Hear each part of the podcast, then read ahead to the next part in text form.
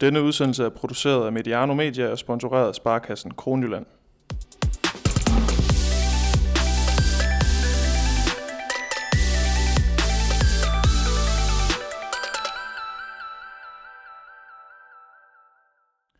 København, Esbjerg, Odense og Viborg er alle klar til semifinalerne i Dameligaen. Men hvorfor er det lige blevet de fire hold? Det og, og meget mere forsøger vi at blive lidt klogere på i den her udsendelse, hvor vi klæder os på og bliver klar til semifinalerne i Dameligaen. Og det gør vi i selskab med Dennis Bo Jensen, cheftræner i Ajax København. Velkommen til, Dennis. Tak. Og tak fordi du havde lyst til at være med nok en gang. Det var så let. At vi kunne lokke med dig. Øh, men, men før vi snakker omkring de her semifinaler, så synes jeg lige, at vi skal kigge lidt nedad i tabellen for en stund, og det tænker jeg ikke, at du har det store imod overhovedet. Nej. Fordi øh, i sidste uge, der stod det jo klart, at øh, der også i næste sæson er to københavnske hold i Dameligaen, da dit hold Ajax København vandt i, i tre kampe over, over Sønderjysk i, i nedrykningsspillet. Dennis, der må være noget tilfredshed at spore i det københavnske lige pt. Ja, det må man sige. Øh, vi er glade og stolte over, at øh, det lykkedes os. Efter vi først var lidt nede efter den første kamp, som vi taber på hjemmebane. Men øh, stor kado til holdet for at rejse sig. Og rejse sig på den måde, og så vinde så komfortabelt to gange. Det, det havde jeg ikke lige set komme, men det var fandme flot. Og hvis vi ser øh, sådan over de, øh, de tre kampe, så var I jo, vi kan godt tillade os at sige, markant bedre end, end Sønderjyderne, og vinder jo også de sidste to kampe med, med 13 og 12 mål.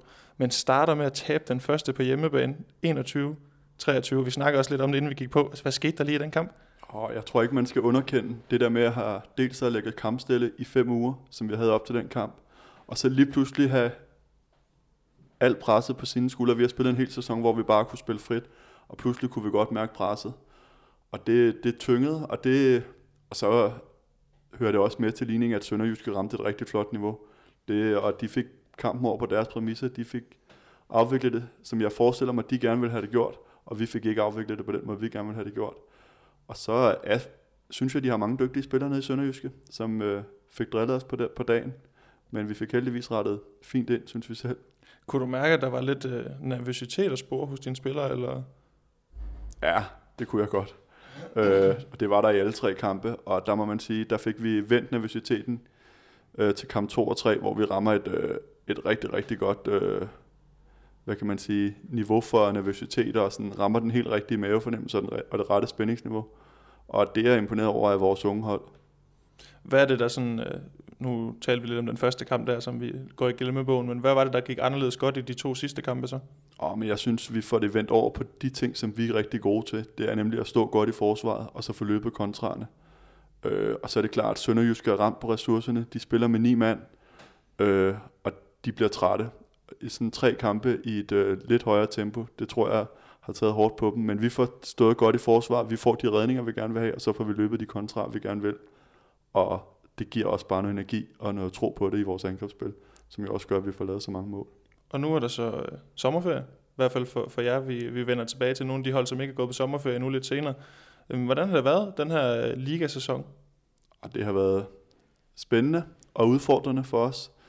Øh, vi har haft rigtig mange gode lærepenge, og det synes vi jo også, vi ligesom beviser her til sidst ved at slå nummer tre i første division, sådan relativt komfortabelt til sidst. Øh, vi har lært en masse om tempo, om hvis man ikke er der, så ligger bolden nede i kassen. Og der er sådan nogle ting, som øh, vi helt sikkert tager med videre, omkring fysik og tempo og det at være klar og det har været sådan de største udfordringer for jer i den her sæson. Det er altså, det, måske det er lidt forventelige, når man kommer fra første division. Tempo, fysik, som jo er de helt store forskelle på, på det bedste række og næstbedste række et eller andet sted. Ja, helt sikkert. Og på at være 19-20 år og være 4-25 år, der kan man have lagt lidt flere muskler på, og måske også klogere til at bruge de muskler på en god måde. Men hvis man sådan sidder her i retrospekt og kigger lidt tilbage, jeg ved godt, I er lige blevet færdige, men hvad synes du sådan over en sæson, at dine spillere har lært af at være med på det her niveau? Om jeg tror, at de har lært en del i forhold til sådan professionel indstilling, og hvad, hvad det kræver øh, for de unge spillere. Så tror jeg, at de har lært det der med, at altså sådan hele det taktiske aspekt, at det er meget mere, kan være en smule mere avanceret, end, end det er. Vi har jo også haft en stor gruppe, som jo kun er i gang med deres første eller anden år som seniorspillere. Så, og der er jo stor forskel på at løbe rundt i ungdomsrækkerne, og så på at være med i seniorrækkerne. Så det, det, vil jeg, det tror jeg er noget af det, de har lært mest. Og så har vi selvfølgelig også lært øh, hvordan man rejser sig efter et nederlag, fordi det har vi også prøvet et par gange. Ja, fordi det har jo været en helt stor forskel på, når man kommer som oprykker, har været vant til at vinde, og, og gå på banen med, med en forhåbning om, eller en forventning om, at man vinder hver gang, hvor I jo i år har, har gået på banen, og det har vel ikke været en forventning, I skulle vinde, men I gik selvfølgelig efter det et eller andet sted, ikke? Og selvfølgelig, at man er jo sportsmand, og man går selvfølgelig efter det, men det er klart, vi har jo haft nogle præstationsmål, som vi ligesom har kunne bedømme os på løbende, fordi at hvis vi kun skulle kigge på tavlen, så kunne det godt blive lidt ensidigt. Øh, og det, det synes jeg egentlig også, de har været rigtig dygtige til, det der med sådan at sige, vi har haft nogle mål i forhold til, okay, vi vil gerne prøve at stoppe det og det hos modstanderne, og vi vil gerne prøve at lykkes med det og det selv. Og det vi lykkes med nogle gange, og nogle gange er vi ikke lykkes med det. Men vi har forsøgt at gå ind til hver kamp med en plan for, hvordan vi gerne vil komme videre. Og nu snakker du om præstationsmål fra kamp til kamp. Har I også haft nogle præstationsmål over en sæson? Altså sådan, at det er de her ting, vi gerne vil opnå ved at være i ligaen i den her sæson? Udover selvfølgelig at overleve, som vi jo har lykkes med. Ja, det kan man sige. Altså, vi har haft nogle mål i forhold til vores forsvar, hvor vi gerne ville have haft afslutningerne.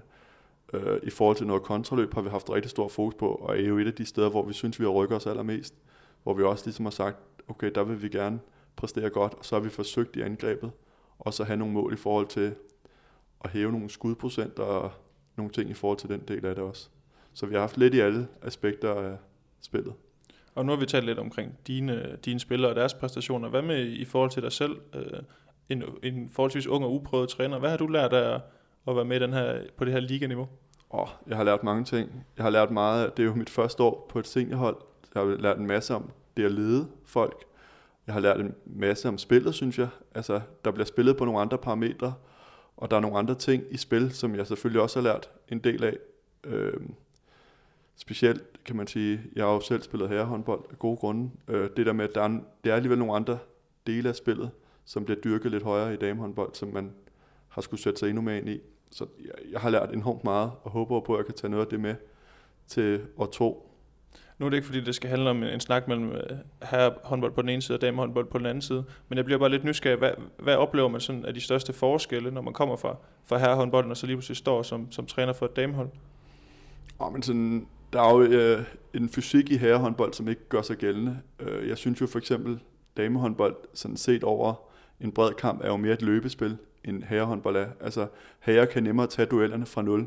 Altså det vil sige, at de kan tage en dribling, gå ind og tage duellen det synes jeg ikke damespillere, altså der er ikke den samme eksplosivitet i, så man er nødt til at kunne give hinanden nogle bolde i lidt fart, og det gør jo også den måde, du skal dække op på, er lidt anderledes, fordi du måske skal prøve at fokusere lidt mere på at tage de andres tilløb lidt mere ud og sige, okay, vi vil så prøve at fokusere på, at de ikke kommer i fart, eller sådan, der er nogle andre måder, hvor jeg sådan specielt vil fremhæve det, hvor jeg synes, det sådan bliver mere et løbespil, og et spil, hvor man sådan løber og spiller den videre, hvor jeg synes, herrehåndbold er jo mere sådan øh, meget karikeret, men sådan tre afleveringer, så ligger den i kassen, eller på den måde, altså lidt mere eksplosivt. Så det, det sætter også nogle andre krav til en træner, altså sådan rent taktisk, der er nogle andre taktiske ting i værktøjskassen, man lige skal hive fat i, øh, lyder det til? Ja, det vil jeg i hvert fald sige, øh, at det, det, er nogle, det er en anden, jeg synes, det er en anden måde at gribe tingene an på, øh, på godt og ondt. Og jeg er enormt glad for at være på et damehold, så det er sådan set det, som jeg synes er spændende. Jeg kan godt lide det der med, at man skal gøre hinanden gode på en anden måde, og nødt til at kunne give. Det, det skal man jo også i herrehåndbold, det er jeg med på. Men jeg, jeg tror bare, hvis man sådan, det er ikke noget, jeg har en stor analyse af, men der måske bliver lavet mål på lidt flere afleveringer på en eller anden måde i damehåndbold, hvor i herrehåndbold er det mere eksplosivt. Og nu øh, snakker vi omkring, at, I er jo gået på sommerferie, og, og vi kaster så over nogle af dem, som, som stadigvæk er i gang med at spille. Øh, der begynder jo en, en semifinale runde her i, i weekenden på lørdag. Øhm, og lad os da bare kaste, over, kaste os over det. Der venter jo øh, ja, en kamp mellem København og Viborg, og en kamp mellem øh, Odense og Esbjerg. Det er de to, eller de fire hold, der, der møder hinanden der øh, på kryds og tværs. Øhm, og Dennis, hvis vi skal sådan starte med at kigge på de fire hold, da slutspillet gik i gang, var det så også dem, du havde forventet at se i semifinalerne, eller er der, hvad skal man sige, sned sådan nogle overraskelser ind undervejs? Jeg vil sige, at øh, Viborg er vel en lille overraskelse. Der havde jeg vel sådan selv set Midtjylland gå videre, men jeg synes heller ikke, det er en katastrofe, det Midtjylland har lavet. Hvis man kigger på de spillere, der er ude for dem efterhånden, så kan de jo snart stille en startopstilling af dem, der ikke spiller, som er lige så stærke som dem, der spiller. Øh, men, men flot arbejde op i Viborg, synes jeg. Og så kan man sige, Nykøbing, Esbjerg, mm, ja, den var vel rimelig tæt, tænker jeg. Men hvis jeg nu havde fanget dig inden sæsonen og spurgt, hvad er din bud på de fire semifinalhold? Så kan jeg næsten fornemme, at du havde sat øh, kryds ud for Midtjylland. Ja, Det havde jeg. Og der havde jeg nok ikke haft Viborg blandt de fire bedste, men de har jo været deroppe i mange år og har jo en rutine i det, men det har de selvfølgelig også i Midtjylland. Øh, så ja. Men ja, altså på den måde havde jeg nok, men der havde jeg heller ikke vidst, at de var uden Tonje Løsset og Trine Troelsen og Sabine Pedersen og Lind Blom. Altså, det er fire rigtig dygtige spillere, må man sige. Og så lige Champions League-program ind i midten. Ja, det er også det, jeg tænker nu. Øh, altså Midtjylland misser jo den her semifinalplads. Det er selvfølgelig ikke, at det er ikke i sidste runde, de misser den, men det er der, det ligesom står klart for dem, at øh, de taber til Odense, og, og derfor også taber den direkte duel mod Viborg omkring den her semifinalplads. Øh, det er første gang i syv år, læste jeg, at de ikke er blandt de fire sidste i, i Dameligaen. Øh, kom det, som, øh, som øh, nu snakker du omkring de her skader, men kom det lidt som et lyn for en klar himmel, eller har der været indikationer undervejs i løbet af sæsonen, at Midtjylland har haft nogle udfordringer sådan rent spilmæssigt, hvis vi ser bort fra det her med, med skaderne selvfølgelig. Ja, man kan sige, at det bliver jo smallere og smallere for dem. Altså, og, og der bliver lagt mere og mere over på, at det er Veronica Christiansen, der ligesom skal virkelig spille på top, og så selvfølgelig også Burgård og Sabine England. Øh, så på den måde at, har der jo været nogle indikationer, men jeg troede nu alligevel, at de ville have klassen til at gå videre. Men altså, det er et hårdt program lige pludselig at skulle til Varder midt i det hele, og man har så til gengæld spillet med en del unge spillere, som jeg synes har gjort det rigtig godt. Øh, men det er klart, det er svært for dem at stå distancen her til sidst. Men du hiver selv den her øh, Varder øh, kvartfinale op i, Champions League.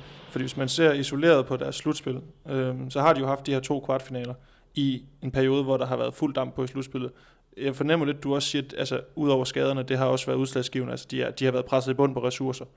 Ja, det, det vil jeg gætte på, at de har været. Det har, har været en hård, altså en hård periode for dem, ikke? Og lige at skulle en tur til Varder midt i det hele. Og så tilbage igen. Altså, det tror jeg har fyldt meget, kan man sige. Øh, de spiller jo i Varder, og så ugen efter hjemme mod Midtjylland, eller hjemme mod Viborg, undskyld. Og får jo ikke rigtig flow i spillet der, og taber 18-20. Men hvis man sådan ser på deres sæson øh, overordnet set, altså en kvartfinale i Champions League, øh, det er jo et eller andet sted rigtig fint, og også når man møder et, et Varderhold, så er det jo ikke noget, der, det er ikke en katastrofe, at det er det, der bliver endestationen. Nej. Men, men en fjerdeplads i pokalturneringen efter et nederlag til Aarhus United, øh, jeg ved godt, at man har det her med, at man taber semifinalen på den måde, man gør, og måske ikke, nu skal man ikke snakke om ikke at være motiveret, men, men der har været nogle ting der, ikke, som har været svære at samles op fra. Øh, men kan man godt et eller andet sted sige, at, at nu misser de også semifinalen, at det som Midtjylland og Christian, øh, Christensen og, og company har lavet i år, det har været skuffende måske? Jeg synes, jeg synes virkelig, det er vigtigt at tage med, altså nuancere det med, at da de også mister øh, Tonje Løstvold, altså så begynder det, altså så er de virkelig snævret ind, så har de øh, Fauske og Burgård og hvad hedder hun, Veronica Christiansen, og så begynder de at spille med de der unge U20-landsholdsspillere, som også er enormt dygtige, men som jo ikke har den samme erfaring som Tonje Løsset og som Trine Trosen. Og jeg, altså, som jeg ser det, er det der, da Tonje Løsset ligesom rører ud af ligningen, at der bliver det svært for dem lige pludselig, også forsvarsmæssigt. Øh, og så lige pludselig skal man spille med en helt ny stregspiller og sådan.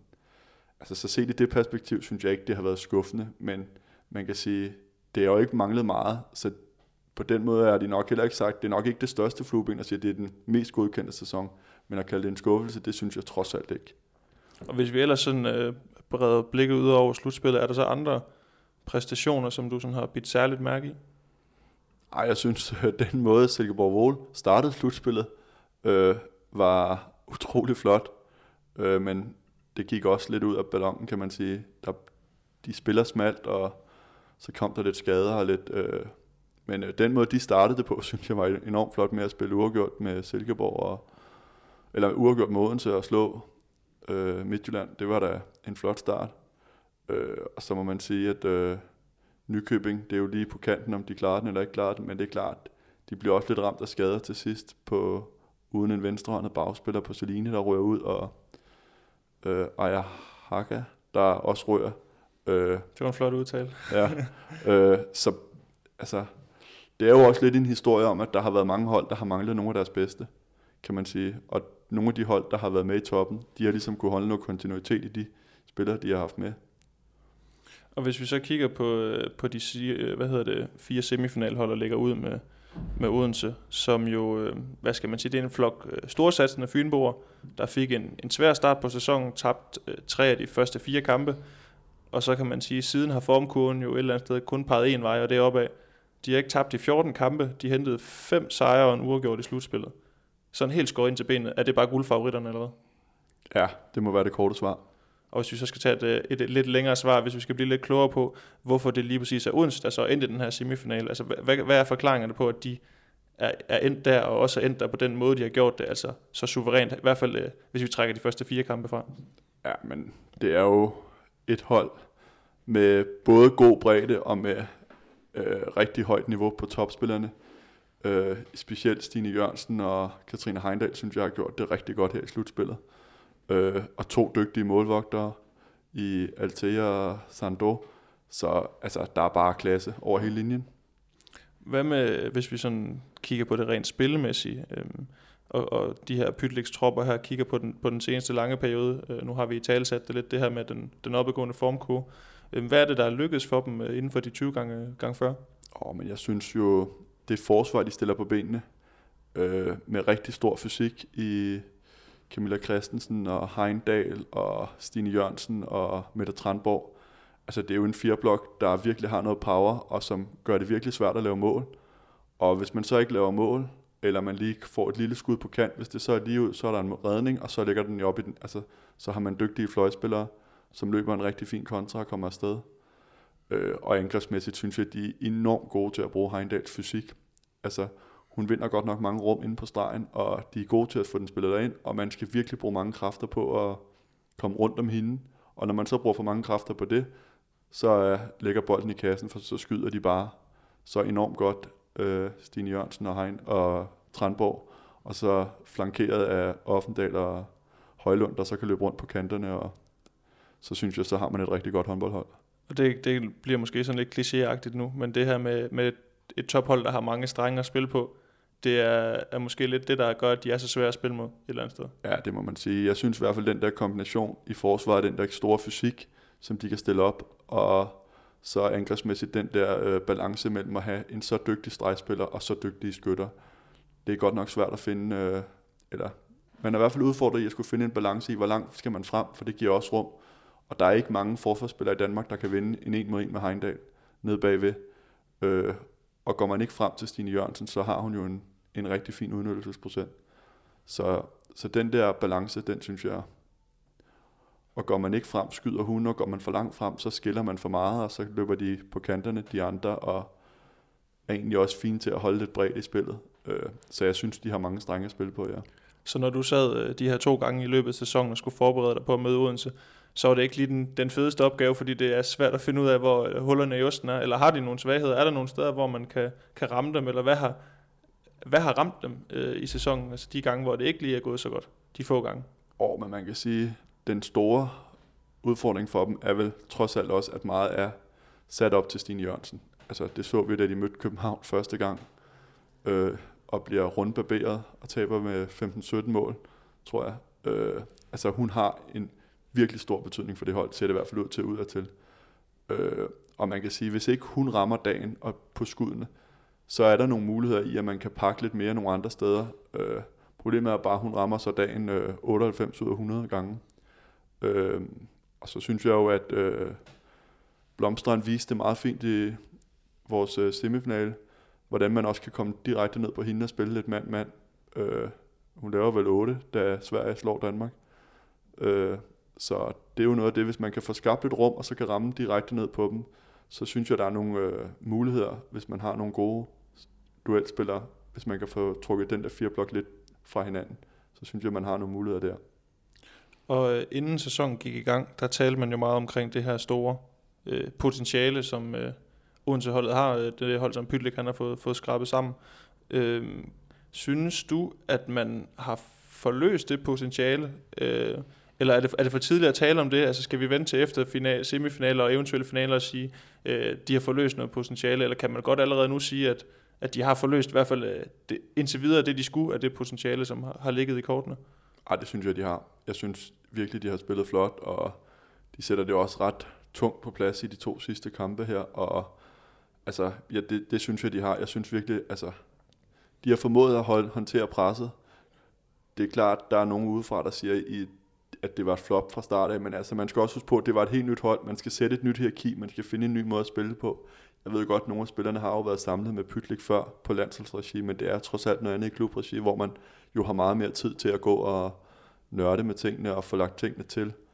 Øh, så jeg synes egentlig, at de har gjort det godt, men det er klart nok, kigger vi fremad, at de så står med en fjerdeplads, så kan det godt være, at det måske ikke er blevet fuldt forløst alligevel, men jeg synes indtil videre, så ja. Der var jo meget snak om det i starten, og nu siger jeg også øh, i medierne, jeg kan godt øh, lige tage den kasket på øh, og på, tale på vegne af dem, der var, jo, der var vi måske mange, der, der snakkede om, uha, er der, er der øh, revner i fundamentet der fra starten af. Øh, det blev vel ret hurtigt gjort til skamme, øh, og var man måske lidt for hurtig, altså sådan lidt en automatreaktion, at øh, nu har de samlet så mange gode spillere, øh, hvorfor lykkedes det ikke? Altså, gav man det ikke nok tid til ligesom at, hvad skal man sige, få det til at fungere, i hvert fald sådan udefra øh, mediemæssigt? Ja, det synes jeg. Jeg synes til tider godt, tingene kan blive lidt for unuanceret i forhold til, altså, det er et helt nyt hold, og man skal, altså, der er bare en masse mekanismer, der skal køres ind på sådan et hold. Øh, hvordan ser vores rutiner ud i forhold til vores træningsuger, i forhold til vores kampafvikling? Øh, hvordan har, altså, jamen jeg vil godt have bolden der, du vil gerne have bolden der. Øh, alle sådan nogle ting, det tager bare tid at få et flow ind i det, øh, og kende hinanden, øh, og stå i de der pressede situationer sammen. Jeg tror i virkeligheden, at det har styrket dem helt vildt, at man startede med ikke bare at ride på en bølge, men man egentlig har startet med at få lov at få lidt nederlag, fordi så får man også snakket nogle andre ting igennem. Og øh, jeg sad jo, øh, undskyld, jeg har lige lidt med, med halsen, jeg sidder også og drikker grønt te ved siden af, det, øh, det er hyggeligt. Øh, man har jo tidligere talt om meget omkring det her med, med dameligaen, og det, hvad skal vi kalde det, internationale bid. Altså, hvad kan vi uden for landets grænser? Øh, nu sad jeg i sidste uge i, i Viborg med Allan Heine og havde frit udsyn til, til det pokalskab, der står deroppe.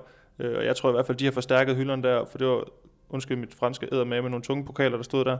Øh, og det, man kan vel godt sige, det jeg sad og kiggede på der, det var jo et eller andet sted, det man kategoriserer som, som guldalderen for dansk klubhåndbold, altså kvindehånd, kvindehold i Europa. Men det her Odense-hold, altså har, hvis de så vinder øh, DM og kvalificerer sig til Champions League, har de så også potentialet til at gå langt øh, uden for de danske grænser? Ja, det synes jeg. Øh, altså, der er kvalitet over hele linjen, og man, det lader jo til, at man stadigvæk forsøger at opruste en lille smule. Så det, det synes jeg, at man har, man har et varterhold, der sådan går lidt i, altså lidt i opløsning, og så er det selvfølgelig klart, så kommer der noget nede i Frankrig, hvor de er i gang med at samle noget, der også er rigtig spændende. Men, men jeg synes, at de har kvaliteterne. Øh, men det er klart, det er jo ligesom så meget andet et spørgsmål om øh, økonomi. Og, men jeg synes, jeg synes, man har tegningerne til noget rigtig fint. Og der er også mange spillere, der er jo ikke endnu er der, hvor deres karriere er toppet, men stadigvæk kan blive endnu dygtigere. Her tænker jeg specielt på Mie Højlund og på Mette Tranborg. Ja, nu ved jeg ikke, nu der nu skal jeg lige sige, fest nede på gaden. Det er ikke, øh, fordi Dennis han er, han er begyndt at spille trompet og trommer udenfor. Der er, jeg tror, det er, fordi det er 1. maj. Ja, det kan være, der er nogen, der, der fejrer en, øh, en overenskomst eller, eller lignende. Så hvis I kan høre noget, noget trutten i baggrunden, så er det, så er det fordi, vi har live musik øh, lige uden for døren. Øh, men det tager, vi, det tager vi med. Det tager vi med. Det tager vi med. Det, det er kun et, dejligt underlæg lige til den her, den her snak. Ja. Øhm, men hvis vi så siger, nu bliver det også klappet, jeg ved ikke, om det er også de klapper, ja. eller om det... Og det, det må det være.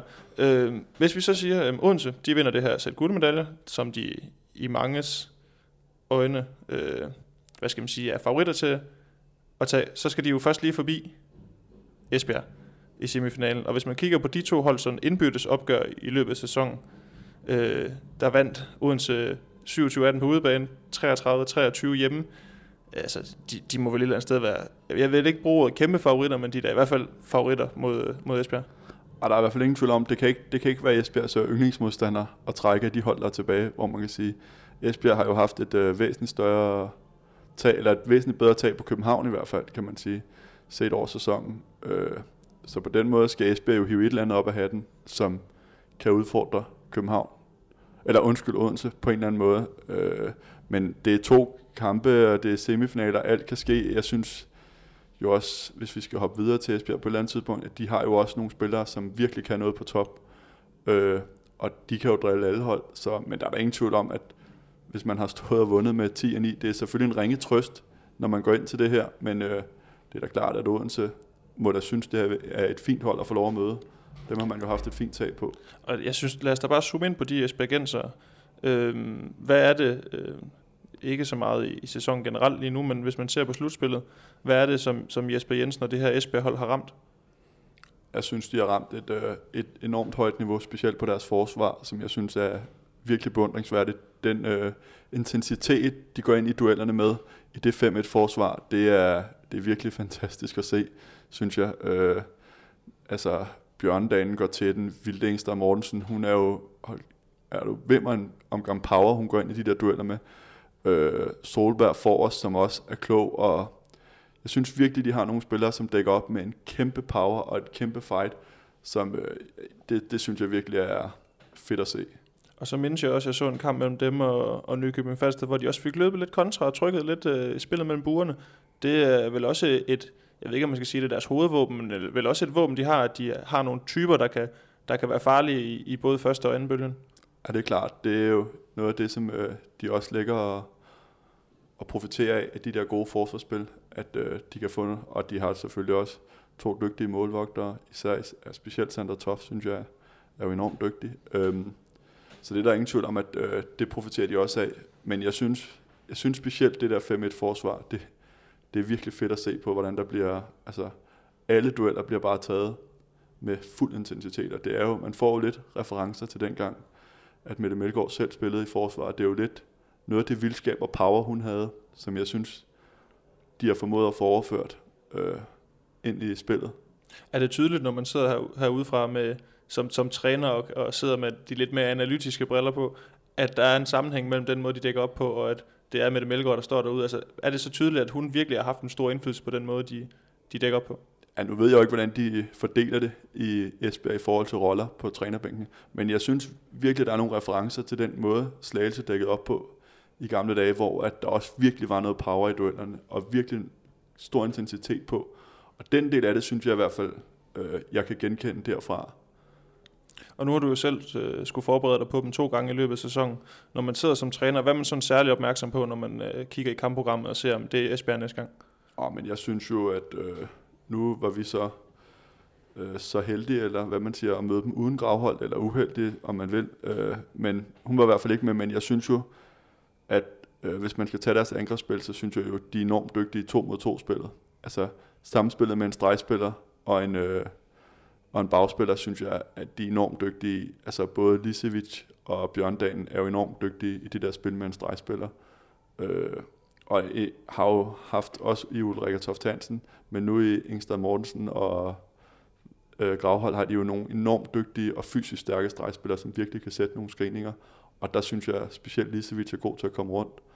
Og så kombineret med den øh, power, som øh, det gør at man bliver nødt til at pakke nogle steder på banen, og så kan Lara Gonzalez komme med en enorm stor power, som, og er jo enormt fysisk stærk i sine dueller, og kommer med noget mand-mand-spil, som er svært at holde, øh, og hvor man ser hende jo lave den fodfinte gang på gang.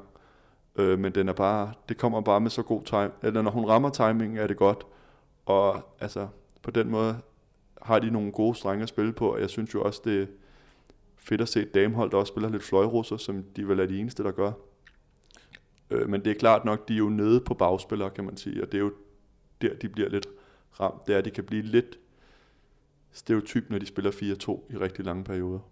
Og nu har vi fat i, i Mette Melgaard. Øh, men med, med det sidste ord, Jesper Jensen, er jo også en spiller, som i sin aktive karriere øh, var kendt for at have et rigtig, rigtig godt håndboldhoved, og det har han jo stadigvæk. Øh, hvad synes du, der kendetegner, nu har du været inde på noget, noget af det her, hvad kendetegner den måde, som Jesper Jensen gerne vil spille med det her Esbjerg-hold? Og nu tænker jeg sådan specielt, nu har vi fat i defensivt, nu tænker jeg sådan specielt på det, på det offensive spil. Og men jeg synes jo, det handler meget om det der med at få skabt nogle rum til det der to mod to spil, øh, som de er gode til at spille. De har et rigtig fint overgangsspil også, synes jeg, hvor de også får udnyttet banens bredde ved at sende deres øh, overgangsspillere helt over mellem 1 og 2, som også de også er nogle af de eneste, der gør. Det er, det er en svær måde at spille. Man kan sige, det er simpelt, men det er faktisk en svær måde at spille håndbold på. Øh, og på den måde synes jeg, de har nogle øh, fine ting, og så er det klart, så har de jo nogle kreative spillere i Lisevic. Nu har vi jo ikke engang nævnt Pullman, fordi hun ikke rigtig har spillet her i slutspillet, men hun er jo også en del af det. Men, men det er det, jeg sådan synes, de er gode til. Det er at få skabt de der rum, hvor de kan spille tingene i nogle zoner, og så få spillet på de der ting. Den del af det, synes jeg i hvert fald, de har været dygtige til. Og Polman er jo øh, en af holdets øh, helt store øh, stjerner, øh, den hollandske landsholdsspiller. Og hun har jo også haft en, man kan godt sige, speciel sæson, fordi hun er kommet på, på bagkanten af en graviditet, og har så i foråret været, været uheldig og løbet ind i nogle skader. Øh, hun har spillet 20 kampe i sæsonen, og kun én i slutspillet. Og når man så sidder og kigger på, på de tal og siger, men det er et Esbjerg-hold, der er kommet i en semifinal, det gør det vel ikke mindre imponerende, at de har gjort det uden en polmand på 100%. Det må man sige. Det er, er rigtig fint. Øh, jeg tror dog også, at det har løst nogle problemer for, for Jesper Jensen, fordi det kan også være svært at spille med så mange kreative typer. Øh, jeg, jeg mindes i hvert fald at have set nogle timeout, hvor han har, har stået og prøvet at tegne på tegnbrættet og virkelig i tale til det der med, at øh, vi skal holde os til planen. Stick to the plan, girls. Stick to the plan, synes jeg, jeg har hørt ham sige et par gange i nogle timeouts, og man kan sige, det er måske lidt lettere, når man ikke både har Lisevic og Pohlmann på banen samtidig. Men så i, nu, øh, det er jo Lisevic og især Bjørndalen, som har svunget takstokken i, i fraværet af, af Polman, og du er lidt inde på det her. Altså, hvad er forskellen på, undskyld, Esbjergs spil med og uden Polman? Er det, at er det den der øh, metaforen med for mange kokke for dag og maden? Altså, vi har for mange kreative spillere, og så bliver det måske lidt svært at styre, og med det her hold er der måske brug for faste rammer, for at de kan præstere, som, som de har gjort i et slutspil. Ja, altså jeg, jeg tror i hvert fald ikke, det er, kan man også bruge en anden, altså det, det der med, når den ene så er ude, så kan den anden også øh, blomstre i endnu, i endnu højere grad, og det der med, når man har to inde, hvordan fordeler man lige det der med, hvem skal tage hvad, og de der ting. Øh, og der må man sige, at øh, der har Lisevits virkelig steppet op, og vist sig som dirigenten øh, i Pullmans fravær. Og det tror jeg måske øh, netop også er sket på baggrund af, at Pullman ikke har været der. Og nu leger vi lige en, en leg her. Du øh, træder lige ind i, i Jesper Jensens sko, og skal forberede dig på, på at møde Odense. Hvad, hvad er sådan topprioriteterne i forhold til at møde et, øh, et stærkt Odense-hold? Nu har vi kaldt dem stærke en del gange, men det, det her stærke hold, som de jo møder øh, på lørdag. Og man, man kan sige, de har jo lavet mange mål imod dem. Øh, nu vil jeg godt sige, jeg har ikke lige set de seneste kampe, men der er der ingen tvivl om, at det må handle om, hvordan finder man ud af at få lavet nogle mål, så man kan nå hjem og stå. Fordi jeg synes jo, at virkelig at øh, Esbjerg er godt kørende ned i deres eget forsvar. Øh, og det vil jeg virkelig øh, hælde til at ligesom sige, okay, vi skal derned og stå, og så skal Sander Toft have nogle redninger. Øh, så vi skal finde ud af, hvordan får vi afviklet vores angreb på bedst mulig vis. Også fordi, hvis man har de der kreative typer, så kan der godt blive skudt på nogle tidspunkter, hvor, man, hvor det ikke er sikkert, at resten af holdet er klar på at løbe hjem i hvert fald. Øh, og det er jo også en af bagkanterne ved at spille 4-2, det er også, at man har to stregspillere, der skal løbe hjem, øh, som jo alt andet lige må have lidt længere hjem på banen. Så jeg, så jeg tror, jeg vil kigge rigtig meget på, hvordan får jeg afviklet min angreb på en god måde. Og nu, øh, vi taler omkring deres øh, tidligere indbyrdes opgør i den her sæson. Men sidder der ikke også en Jan Pytlik øh, i det fynske, og er, er lidt nervøs for Polman? Jamen, hvad kommer hun egentlig med? Fordi vi har jo set de, de tidligere sæsoner, at, at spiller hun på top, så, så afgør hun kampe. Mm. Altså hvis hun rammer niveauet. Og han, han ved vel ikke rigtigt, hvad det er, der møder ham, i hvert fald øh, i forhold til Polman. Nej, det er klart, at det er jo en øh, dark horse i det her, men det hører jo også med, altså rammer man et topniveau, når man ikke har spillet øh, så mange kampe, og man ikke er i det samme flow og sådan nogle ting. Så der er jo mange ubekendte i det, men der er ingen tvivl om, at man er jo nødt til at få forberedt sig på en i et eller andet omfang, og man ved, jo, som du selv siger, ikke hvilken udgave det er, hun kommer i. Og nu stiller jeg et retorisk spørgsmål, fordi du lavede ud med at fortælle, at, at Odense er dine guldfavoritter. Så tror du selvfølgelig også, at Odense vinder den her semifinale serie mod Esbjerg. Ja. Og øh, det, var, det var kort og kontant. Ja, det, Jamen, det må jeg sige, det gør jeg. Jeg ja. synes, altså, de har flere strenge at spille på, og deres form kunne have været, altså de startede lige med at spille uafgjort med Silkeborg, øh, og siden da har de jo ikke rigtig kigget sig tilbage i slutspillet, og ja, jeg synes bare, det er et rigtig stærkt hold. Og spiller efter de har sikret sig semifinalpladsen stadigvæk som et hold, der virker motiveret for at vinde kampene så stort som muligt. Det kan man jo nogle gange godt øh, tale lidt om, øh, og, og måske spare kræfter. Det har de i hvert fald overhovedet ikke gjort. Øh, så, så de virker top-tunet. Øh, hvis vi hopper over i den anden øh, semifinale, så har vi jo, nu sidder jeg jo, vi sidder her i København, øh, grundspilsvinderne fra København håndbold, der møder Viborg HK, hvor jeg var på besøg i, i mandags. De spiller som sagt også øh, første kamp på lørdag. Øh, og Københavnerne, de har jo på nær et, et knepen nederlag til, til Esbjerg faktisk gjort rent på i deres slutspilspulje, mm. og ligner også et hold, der har formået at opretholde det momentum, som de fik øh, opbygget sig i grundspillet. Er du enig i, i den betragtning? Ja, det må jeg sige. Jeg synes, øh, de har virkelig en god struktur på tingene, og det har de formået at følge med ind, på trods af, at de jo faktisk spiller en stor del af øh, slutspillet uden øh, blomsteren på højre bak, så har de jo formået at bevare og de vinder jo kampene. Har det været sæsonens mest øh, kontinuerlige hold, og her tænker jeg ikke kun på, at de har hentet øh, pointmæssigt, fordi så, så kan vi hurtigt blive enige om, det er de. Øh, men, men også sådan spilmæssigt, og hvordan det er gået på banen, altså har de været det mest kontinuerlige hold i, i dameligaen indtil videre? Ja, det vil jeg sige. Øh, sammen med Odense, synes jeg, at det er dem, der bringer meget kontinuitet ind i det. Øh, der er ingen tvivl om, at København har en plan, de har en struktur, og den øh, følger de til punkt og prikke hver eneste gang. Og tror på den så meget, så det er bare, det bliver jo også forstærkende. Og er det noget af det, der ligger bag den københavnske succes? Altså en Claus Mogensen, som har, har altså nu bliver det meget Egon Olsens, Olsensk, han har en plan, og den følger spillerne bare. Altså er det det, der har været deres største styrke i år, øh, udover vi kommer tilbage til nogle øh, enkelte spillere bagefter, men er det noget af det, de har været rigtig gode til, at have en plan, og så følge den til dørs? Ja, hvis jeg ikke må nævne mere regn nu, så vil jeg sige, Det så, kommer, det kommer. Ja, så vil jeg sige, så ja. Så synes jeg, øh, og det vidner jo også om, altså man, man mister Anne Mette Hansen, og alligevel præsterer man en så flot sæson, sæson efter. Altså der må være noget kontinuitet i det arbejde, man gør, som gør, at de andre spillere ved, hvad strukturen er, og det gør det jo alt andet lige lettere for de nye spillere at falde ind i det her. Og hvis du ikke må sige mere rej, hvad har så ellers imponeret dig ved København håndbold i år? Øh, det synes jeg, deres forsvarsspil og kontraspil har. Jeg synes, at den midterblok, de har med Kalle Dolf og Jenny Alm, øh, står rigtig stærkt. Øh, og så har de fået Maria Lykkegaard nu ind også til at dække op. Øh, og så Mia Rej på den anden bak, der synes jeg virkelig er et stærkt forsvar. Og så synes jeg, at noget af det, man ikke skal underkende, det er, at de har også nogle af de, jeg synes virkelig, at deres fløje dækker godt op. Altså de er aktive og er hele tiden i bevægelse. Og det er også en af de ting, som gør, at det bliver nemmere at være fireblok, fordi man har en lidt større sikkerhed på sin fløje. Øh, og det synes jeg er nogle af de ting, som jeg synes har været rigtig flot for København. De øh, fik jo som sagt et øh, sæt sølvmedaljer sidste år.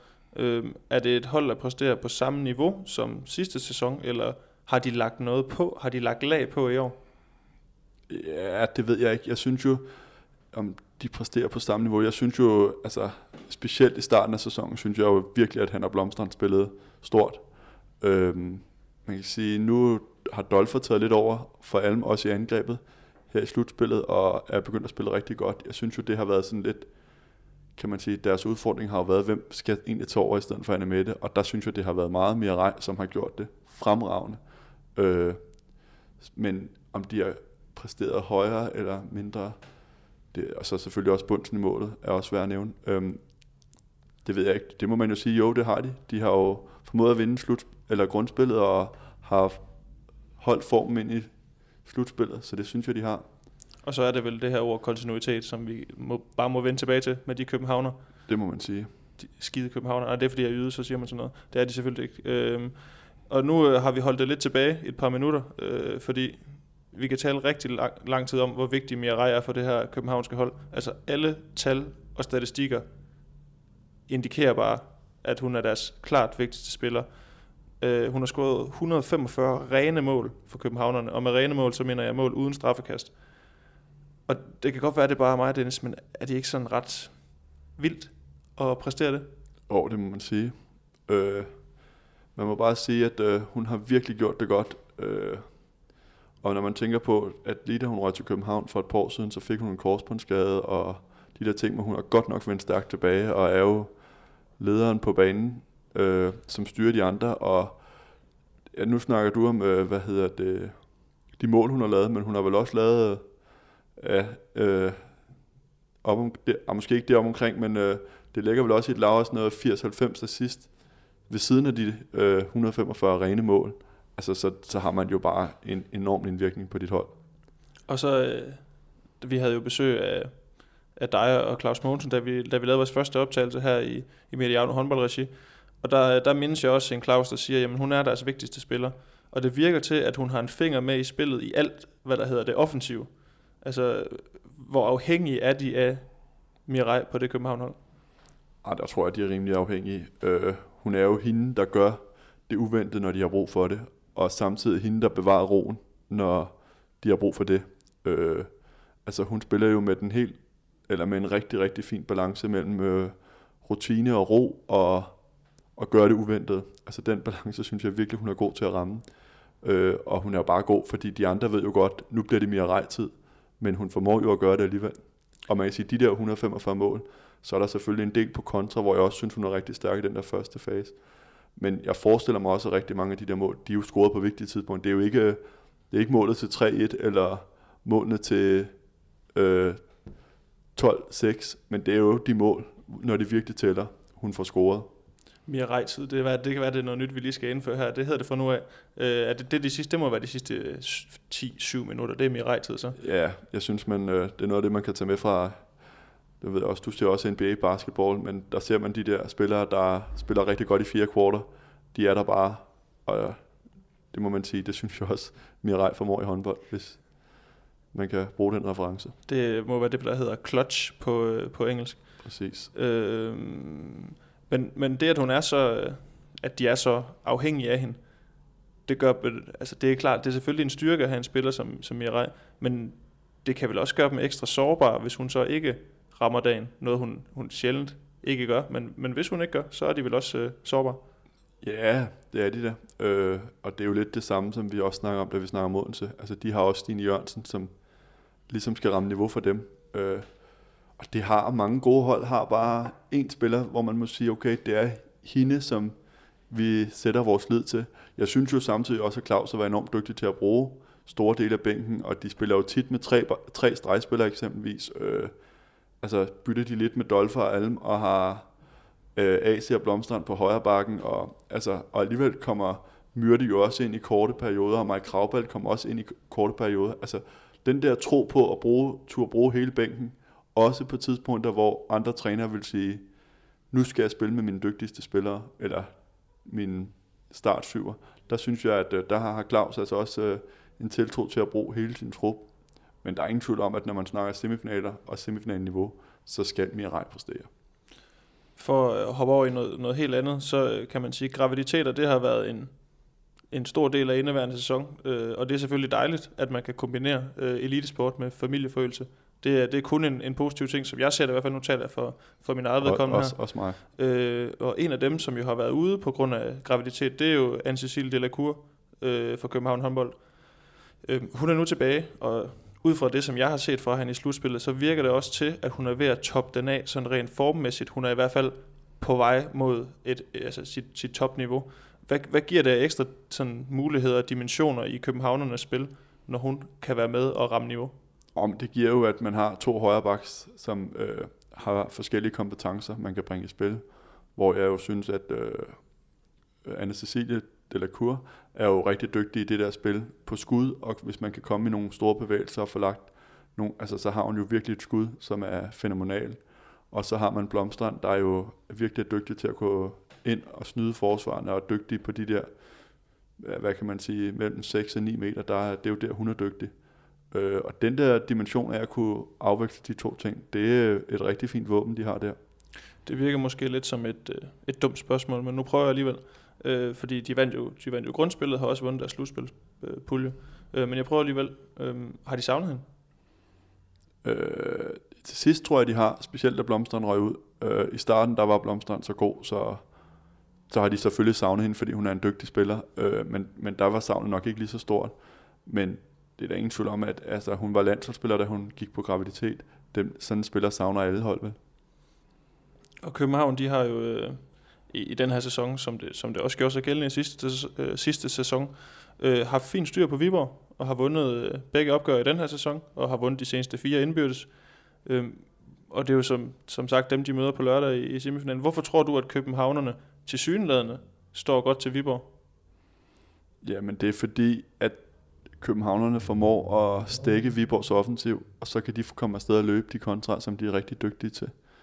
Og man kan sige, den fysik, som Viborg bringer ind i deres 6-0 forsvar, den er Mirai forholdsvis dygtig til at få spillet lidt udenom. Øh, så det er vel sådan nogle af de ting, tænker jeg, som øh, gør sig gældende. Så når, når Claus han sidder her i løbet, han er selvfølgelig allerede gået i gang med at forberede sig, han er en, øh, en ihærdig forberedelsestræner. Øh, men, men hvad mener du, at Claus Hansen skal have fokus på, når han møder det her Viborg-hold på lørdag? Er det, nu nævner du nogle af de ting, som København har været gode til. Er der andre ting, som han skal være opmærksom på, at Viborg kommer med? Jamen, der er jo ingen tvivl om, at, øh, og det tror jeg også, alle nævnt i podcasten, at øh, måske Viborgs stærkeste våben står imellem stængerne, så det er jo klart, det handler om, hvordan får vi også ikke skudt Rikke Poulsen for varm. Øh, den del af det, fordi så er det også, at Viborg kan få lov at løbe deres kontra, og så får de ligesom, det giver også en øh, god effekt, at man ikke skal lave mål hver gang, men man ved, at man får nogle gratis mål. Øh, så det tænker jeg er noget af det, at Clausen kigger på, det er, hvordan kan vi få skudt bolden ind, og hvordan kan vi så, altså forsvarsmæssigt, hvordan får vi så stikket, øh, ja, specielt øh, Christina Jørgensen og Line Uno, som jo har været, og så Strømberg, det er jo de tre, der ligesom, og så er det klart, så er det lidt ligesom øh, Pullman, altså er Line Havsted tilbage, og hvor er hun henne? Øh, hun har været lidt med i slutspillet, men har ikke gjort det store væsen af sig, sådan, øh, som man jo kunne, altså er i hvert fald langt fra hendes eget topniveau. Og det kommer jo i det, du siger her, i meget, meget fin forlængelse af det, vi skal i gang med nu, nemlig rosin i pølseenden, som jo er øh, Viborg HK. Og her øh, vil jeg da gerne komme med en, med en indrømmelse med det samme. Øh, nu sad jeg med, med Allan Heine, Viborg-træneren i, mands, i mandags. Øh, men, men da Heine og company, de kom over i slutspillet med 0 point, og oven i købet tabte de første to, der, der havde jeg altså ikke den store fidus til dem som semifinalkandidat. Øh, og det, de tanker har de så gjort til skamme, men øh, var det også en følelse, du, øh, du sad med Dennis, da du havde set øh, både, at de kom over med to point, men oven i det taber de første to kampe? Ej, der er ingen tvivl om, at de har virkelig fået rejst sig øh, og kommet tilbage. Og det må man jo tage hatten af. Det er jo godt trænerarbejde af Allan Heine, som jo har fået givet noget tro ind i det, og det er jo bare en klub med, som du selv snakker om tidligere, en enormt historie, og de er bare vant til at være der, og nu sad jeg så lidt, øh, altså nu er halen jo også fyldt igen. Altså det, det var ikke mange grundspilskampe, hvor den var fyldt hallen. Nu kommer de igen. Altså, det er et kredsent håndboldpublikum. De ved godt, hvornår de skal være der, og hvordan de skal bakke deres hold op på bedste vis. Og det må man bare sige, det er de bare, når slutspillet så går i gang. Hvis man vil øh, høre lidt om, hvor kredsende øh, håndboldpublikummet er i, i Viborg, så vil jeg da anbefale, at man går tilbage i, i Mediano håndboldhistorien og, og, og hører den podcast, hvor jeg, hvor jeg talte med Allan Heine. Han fortæller i hvert fald også om et, et publikum, der godt kunne øh, stå efter en kamp, man havde vundet med 10, og så sige, jamen, hvorfor vandt vi ikke noget større? Øh, så, men, og, men igen, som man også siger i den udsendelse, et øh, publikum, der er der, når det begynder at blive spændende, og det er jo også det, som, som du siger, Dennis, at du har observeret, at en fyldt, øh, en fyldt Viborg Stadenhal, den, den kan altså også et eller andet. Der er noget historie, der er noget nostalgi. Øh, der er en Heidi Astrup Lounge, hvor der hænger legender på væggene, og en pokalhylde, som jeg har øh, talt om med, med knap så pæne ord, øh, fordi den simpelthen er så, er så overfyldt. Altså, der, det er et tungt å, som de ligesom øh, har hvilende over sig. Ja, og så er det jo også ligesom om, da de... Altså, de havde jo også lige de der... De havde jo også nogle Europacup-kampe ind midt i det hele. Øh, hvor man kan sige, at øh, de har måske også fyldt lidt både mentalt og fysisk. Øh, hvor man kan sige, at dem spiller de også lige midt i det hele. Og får så ligesom rejst sig, da de desværre taber op øh, på udbanen til Vipers, og så ligesom kommer hjem og har en uge der til ligesom at få fundet sig selv igen. Og så slutter de jo rigtig flot af med at slå Midtjylland og Silkeborg her til sidst. Godt nok et Silkeborg-hold, der ikke havde noget at spille for. Men alligevel, den der udbanesejr mod Midtjylland, den, øh, det er en stærk præstation. Og øh, nu, nu er det selvfølgelig svært at tale om, hvilken pulje, der har været den, den stærkeste og den svageste. Men kigger man på de hold, de har været pulje med, Odense, Midtjylland, Silkeborg, det har heller ikke været en nem pulje. Altså det, det må vi jo bare ja. sige, og det har været et Silkeborg-hold, som, som virkelig var kommet, kommet op i tempo, kommet op i form og spiller noget, noget aggressiv håndbold, øh, specielt mellem buerne. De vil fremad, både øh, første gang, og hvis man så løber tilbage, så løber de bare den anden vej igen. Ikke?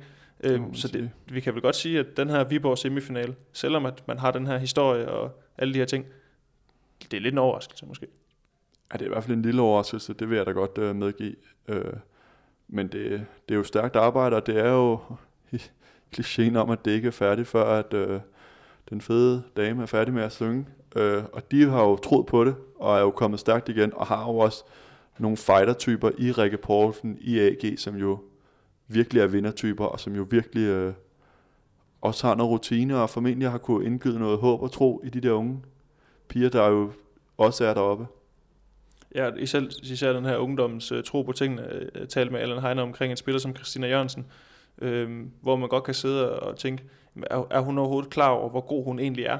Altså, den her ungdoms naivitet, hvor man bare kaster sig ud i tingene og siger, jamen, så må det bære eller briste. Det er også det, de har gjort. Altså, de har jo har givet den fuld, øh, fuld pedal i de der efterfølgende kampe efter de, de to nederlag, og har jo virkelig, øh, virkelig gjort, det, gjort det godt. Øh, men, men hvorfor er det endt sådan her? Altså, hvorfor står de i den semifinal, hvis man kigger på den måde, de har spillet på? Altså, hvad er lykkedes i Domkirkebyen deroppe i Viborg, sådan rent, oh. rent spilmæssigt? Men jeg synes jo, man bliver nødt til at starte inde i målet. Altså, Rikke Poulsen kommer tilbage fra graviditet, og har jo, er jo bare blevet bedre og bedre, som sæsonen er skrevet frem. Og det er klart, øh, det har jo virkelig en stor betydning for dem, for så kan de løbe kontra, og de kan stå en lille bitte smule fladere i forsvaret, øh, fordi at hun tager de der langskud, der skal reddes, og har de der redninger. Altså, der tror jeg virkelig, man skal finde en øh, stor del af det. Så synes jeg også, en, øh, altså Line Uno har spillet et rigtig flot slutspil, øh, stepper op, og altså Strømberg har også lige pludselig begyndt at spille øh, rigtig fint, har også, synes jeg, været lidt svingende i, i løbet af grundspillet, øh, har steppet op. Så har man en AG på fløjen, som jo øh, har gjort det fint, og jo er en rigtig, rigtig dygtig spiller. Øh, så man kan sige, det, det synes jeg så selvfølgelig, Christine Jørgensen, som du selv nævner, er jo også, øh, altså, har jo virkelig spillet en flot sæson. Jeg så i hvert fald en kringle, hun lavede mod Midtjylland i de, i de døende sekunder, eller da der mangler et minut af kampen, hvor man ja. tænker, hvor kom den selvtillid fra? Men den har hun bare, og hun, er, hun er ikke bange for at løsne, øh, ej heller de, de afgørende skud. Nej. Øh, og jeg, Allan siger det også, det er måske ikke det, det skud, man som træner drømmer om at, at få i sådan en situation, men hun gjorde det, og hun scorede, og man kan jo ikke uh, sige noget mod dem, der, der scorer mål. Øhm, og man kan sige, hun fik vel også uh, godt gang i skudarmen sidste år i Skanderborg, der var hun vel den, der fik afsluttet flest gange i ligaen, så hun, hun har jo været, altså hun har jo haft et helt år, og nu har jeg også selv fulgt hende på ungdomslandshold, og der har hun jo også været anfører, og ligesom hende, der skulle tage de afgørende skud, så det er jo ikke fremmed for hende. Så ved jeg godt, det er noget andet at gøre det i en Viborg, tror jeg, med den historie, de har deroppe. Men det er jo ikke fremmed for hende. Altså, det har hun jo prøvet mange gange. Og så er hun en tovejsspiller. Det må man sige. Øh, og en tovejsspiller, der også kan gøre sig gældende fysisk som 20-årig. Det, øh, jeg ved godt, at, øh, at øh, kvindespillere modnes fysisk tidligere end herrespillere, men det er alligevel tidligt at kunne gå ind og, og være så afgørende rent defensivt, øh, synes jeg. Det må man sige. Hun bliver vel også skiftet ind i landskampene for bare at stå i forsvaret. Altså, hun er en enormt dygtig forsvarsspiller og får brugt sin store fysik og sin lange arm enormt godt. Og nu, øh, vi har talt om, om københavnerne, og det er jo selvfølgelig, det giver selv det Viborg, der skal møde dem. Når man står som, som Viborg-hold, øh, vi har talt om, hvad de skal være opmærksomme på. Øh, men altså, hvor synes du, altså hvordan, eller hvordan tror du, at, at Viborg kan gøre ondt på, på København håndbold? Hvor, hvor har de deres, hvor, hvor i deres spil ligger der muligheder i forhold til at møde den type håndbold, som København gerne vil spille? Og men det, øh, for at falde lidt tilbage i de der, så er det jo selvfølgelig klart, at de skal ligesom have et godt forsvar til at starte med, øh, og prøve at undgå, at københavnerne får lavet for mange kontramål derudover. Øh, og det er jo igen det der med, at det handler om at få afviklet din angreb på en fornuftig vis. Øh, og der er det jo måske en lige nu, der kan gøre lidt ondt nogle steder med sin fart, og en øh, bådhold på stregen, der måske kan gøre lidt ondt med hendes lave tyngdepunkt og hendes ryg, øh, øh, hvis man kan få træerne en lille bit smule frem. Øh, og det kunne Christina Jørgensen måske godt lokke dem en lille smule frem. Øh, så det er nogle af de ting, som jeg tænker, at øh, Viborg nok vil lægge og kigge lidt på. Og så er det klart, øh, nu roste jeg Københavns fløje, men de kan også stå relativt langt inde, og det er klart, hvis man kan få den ned til AG i en semifinale, der forestiller mig, der, der er hun god, øh, så der vil man gerne have den ned. Øh, så det er jo nogle af de ting, som jeg tænker, de vil kigge lidt på, hvordan får vi sat de der ting i spil, øh, og hvordan får vi sat nogle angreb ind, lidt på nogle øh, kanter og nogle træer, og få dem lidt ud at bevæge sig. Men hvem har du så, øh, og det, det er nu bliver det meget klassisk øh, journalistisk spørgsmål, du må undskylde mig, men øh, hvem vinder den her semifinal til? Altså, hvem er favoritter af, af de to hold, København og Viborg, til at, at møde, øh, som du spurgte, uden til i finalen? Der må, jeg, der må jeg gå med København. Jeg synes, øh, ja, altså de har jo bare spillet godt i rigtig, rigtig mange, i rigtig lang tid, og ja, altså Viborg kommer jo til gengæld ind til, i den her serie med alt at vinde og ikke så meget at tabe. Øh, og måske det er lidt omvendt for København. Øh, så den del kan jo også være en øh, dark horse i det, men, men jeg vil sige, at jeg, jeg tror, at København tager det. Og nu skal jeg ikke lægge ord i munden på dig, men, men umiddelbart en, en tættere semifinale serie end den, end den anden med, med, med Odense og Esbjerg? Oh, oh, det synes jeg er svært at sige. Jeg synes, jeg synes jo også, at Esbjerg har nogle spillere, der på top kan drille Odense. Øh, og København har jo bare været enormt stabile. Altså så, ja, ej, jeg, jeg håber og tror, det bliver to tætte semifinalserier, men, men jeg ser også nogle klare favoritter i København og Odense, ja. Og øh, så giver det jo lidt sig selv det næste spørgsmål, jeg stiller her, for det er, hvis vi spoler tiden frem til, til senere på måneden, forbi øh, semifinalerne, og også helt frem til, at, at hornene lyder i, i den sidste finale. Øh, der, der tænker du så, at det er, det er Odense og København, der står over for hinanden. Øh, hvem skal have guld om halsen? Hvem skal have sølv om halsen? Og så kan vi jo måske sige, hvem får så et sæt bronzemedaljer? Ja, det er et godt spørgsmål. Man kan sige, København har jo haft et fint tag på Odense i år, kan man sige. Øh, basker dem kæmpe stort på udebane, og får uafgjort hjemme. Øh, så, altså, så, så det er jo et meget åbent opgør, som jeg ser det. Jeg synes jo, og begge hold har nogle rigtig gode hjemmebaner med, med mange mennesker i halen. Øh, hvis det bliver de to hold, det har de to andre hold jo sådan set også, så det er jo ligegyldigt, hvilket hold det bliver. Øh, men jeg ser stadigvæk Odense som værende favoritter. Det er vel på hver position, de snart kan stille en landsholdsspiller. Øh, det kan København trods alt ikke øh, endnu. Øh, og så er det store spørgsmål jo i den der bronzekamp, hvis, hvis vi antager, at det bliver Esbjerg og Viborg, så kunne jeg godt forestille mig, at Viborg tog den. Øh, jeg kunne godt forestille mig, at der var lidt mere gejst i, i det, de går. Altså, jeg synes i hvert fald, det kendetegner deres hold helt vildt, at øh, når der skal spilles om alt, hvad der bliver spillet om, så spiller vi med det, vi har. Og det er jo også derfor, man lige pludselig står der, fordi man bliver ved med at spille den lille chance, man har. Øh, og det er jo, det har jeg jo ikke noget belæg for at sige, kan man sige, for jeg kender ikke nogen af trupperne øh, på den måde, men jeg synes bare, at Viborg har sådan en øh, gejst og en ukulighed, som jeg virkelig synes er prisværdig, som jeg ikke udefra set ser på samme måde i Esbjerg. Og hvis vi lige tager øh, sølvpapirshatten på og begynder at, at konspirere lidt, øh, og, og tager udgangspunkt i, at, at Odense, de, øh, de vinder det her øh, danske mesterskab, øh, kunne det her godt blive begyndelsen på en, en såkaldt, altså vi har set det tidligere, øh, med hold, der har domineret, altså Slagelse, Viborg, øh, kunne det godt blive begyndelsen på sådan en, en Odense-dominans de kommende år, hvis man ser på, hvad de har på holdkortet nu, og hvad de får ind, og hvad de måske, øh, de har jo, som man hørte, midlerne til også at, at blive ved med at hente øh, topspillere ind. Jo, men jeg synes heller ikke, man skal afskrive København. Altså, de går jo også med en plan om at komme i Champions League Final Four. Øh, jeg kan ikke huske, hvornår det er, men det, det har de jo også en plan om. Det vil sige, så skal de jo også lægge lag på de spillere, de har, kan man sige.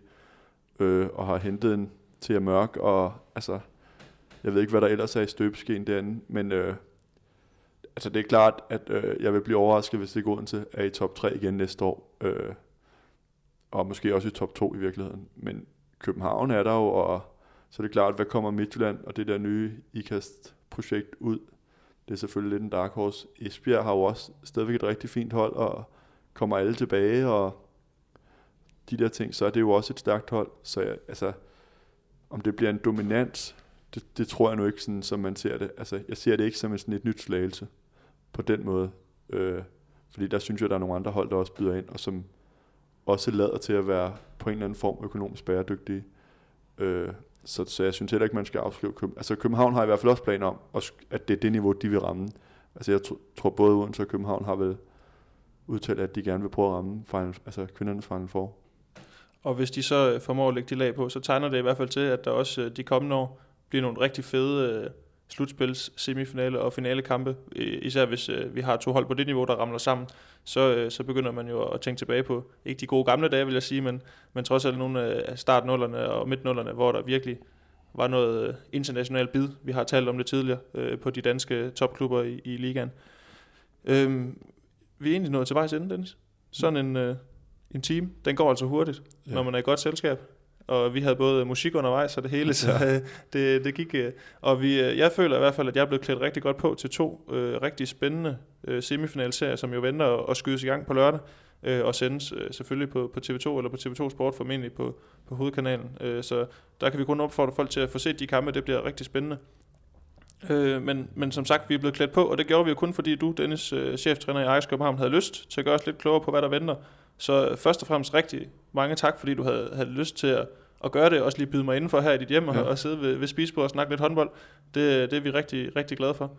Og så øh, skal jeg huske her til sidst også at få sagt, at uh, find der lige Mediano håndbold på Facebook og Twitter, eller ja, og hvis du skal skrive til os, uh, så skriv en besked i indbakken, vi, vi svarer på det hele. Og skal du bruge et hashtag, så brug det hashtag, der hedder på vej. Og så det allervigtigste, og der ved jeg, Dennis, der er du en af de rigtig dygtige det her med at få trykket på abonner-knappen inde i din podcast-app, øh, så kommer der jo, så kan du sidde her en gang i morgen og høre det her program, hvis du skulle have lyst til det, eller høre nogle af alle de andre, vi har lavet. Der ligger efterhånden en, en bred vifte af, af meget forskellige programmer, som, øh, så der er lidt til, til enhver smag. Og det er jo helt gratis. Det koster ikke noget. Så øh, få endelig gjort det. Og så, øh, jamen, så er der igen at sige en tak for i dag. Tak fordi I lyttede med, og tak til, til Sparkassen Kroneland, som er, er partner på foretagendet. Og så igen, sidst men ikke mindst, tak til dig, Dennis, fordi du øh, havde lyst til at være med. Og så øh, håber jeg jo, at, at vi lyttes ved øh, meget snart igen til jer lytter. Tak for i dag.